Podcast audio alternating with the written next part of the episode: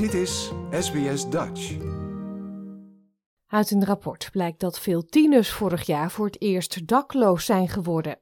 Veel jonge mensen ontvluchten hun huis om te ontsnappen aan misbruik of financiële en psychologische stress. Voorstanders roepen de regering op haar toezegging om te investeren in volkshuisvesting na te komen. Dit is SBS Radio Dutch. Uit een nieuw rapport blijkt dat tijdens de COVID-19-pandemie een groeiend aantal Australische tieners dakloos is geworden. Terwijl het land grotendeels op slot ging en veel mensen gedwongen werden om thuis te blijven, veranderden de leefomstandigheden voor veel jonge mensen in die tijd drastisch. Zo zegt Sharon Callister, Chief Executive van Mission Australia. Well, obviously, there is a key difference between having a roof over your head and a safe and secure home and being faced with no fixed address, sleeping rough, in refuges, transitional or crisis accommodation, no place to feel safe and secure. Uit het onderzoek van Mission Australia blijkt dat 1 op de 20 jongeren tussen de 15 en 19 jaar voor het eerst dakloos werd. Mevrouw Callister zegt dat de antwoorden van deelnemers aan het onderzoek aantonen hoe isolatie tijdens de lockdown het probleem veroorzaakte. They told us that the key reasons for first time homelessness this time around were conflict and family breakdown, discrimination, family and domestic violence, psychological distress, and obviously all of those underpinned by the isolation experienced during COVID 19. Uit het onderzoek blijkt dat 4,8% van de jongeren in 2021 dakloos was, tegenover 3,9% in 2017. Drie op de vijf daarvan waren jonge vrouwen. Ook was er een duidelijke toename te zien van het aantal jongeren met een handicap in dezelfde situatie. Er was een stijging van 5,5% in 2017 tot 13,6% vorig jaar.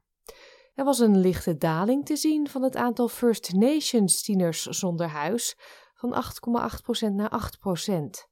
De baas van liefdadigheidsinstelling The Wayside Chapel, John Owen, beweert dat de statistieken geen nauwkeurige weergave van de werkelijkheid zijn. Statistics like this and reports like this should really alarm us and highlight us to the fact that whilst most of what we consider homelessness, which is insecure housing, uh, is a far greater number than the people we see sleeping rough on our streets. There are many who are just holding it together, who are couch surfing, who are doing their best to get to work and to education and to employment, but are quickly losing the supports to be able to to be able to maintain that kind of lifestyle. Who will quickly end up on our streets. And I fear that uh, if we don't take good and swift and corrective action now, uh, we could see our streets, you know, with significantly increased numbers, which we're already beginning to see. Liefdadigheidsorganisaties in Australië zeggen dat onzekere huisvesting ertoe kan leiden dat tieners goed onderwijs en werkgelegenheid mislopen. Dingen die ze nodig hebben voor een toekomst. Kate Colvin van Everybody's Home zegt dat het voor jongeren een steeds grotere uitdaging zal worden, omdat betaalbare woningen steeds verder buiten hun bereik komen en de inflatie naar verwachting zal stijgen. The rising cost of living, the things that are going up in price, impact on people on lowest incomes the worst. So, um, you know, rents have increased massively. Um, basics at the supermarket are increasing. So, it's um, really tough times, and it's going to fall very hard on young people who can't live at home and are trying to get by independently. Instellingen zonder winstoogmerk zeggen dat het land de 30.000 nieuwe sociale huurwoningen die de nieuwe regering heeft beloofd hard nodig heeft. Sharon Callister van Mission Australia zegt dat de statistieken aangeven dat er dringend actie moet worden ondernomen.